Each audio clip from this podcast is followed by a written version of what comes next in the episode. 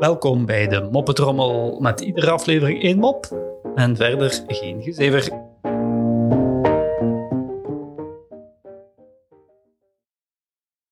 Een Duitser, een Belg en een Nederlander zijn aan het werk in de bouw. Tijdens de eetpauze zegt de Duitser: Scheisse, opnieuw braadworst tussen mijn boterham. Als dat morgen ook het geval is, dan spring ik van het taak. De Belg kijkt in zijn brooddoos en zegt: Godver, alweer koude frieten van gisteren. Als ik morgen koude fritten heb, spring ik van het dak af. De Nederlander op zijn beurt opent ook zijn brooddoos en zegt: Verdomme, opnieuw kaas tussen mijn boterham. Als dat morgen ook het geval is, spring ook ik van het dak.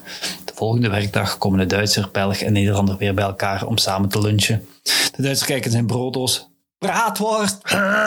En hij springt van het dak af. De Belg opent zijn brooddoos en zegt alweer frietjes en springt waanzinnig van het dak af.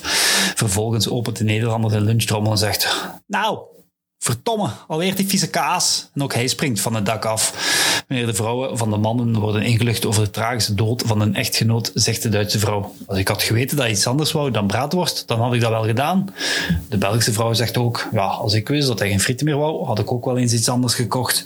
De Nederlandse vrouw kijkt naar de grond en merkt dat de twee andere vrouwen naar aankijken. Ze zegt, ja, kijk mij niet aan. Hij maakte elke ochtend zelf zijn boterhammen klaar.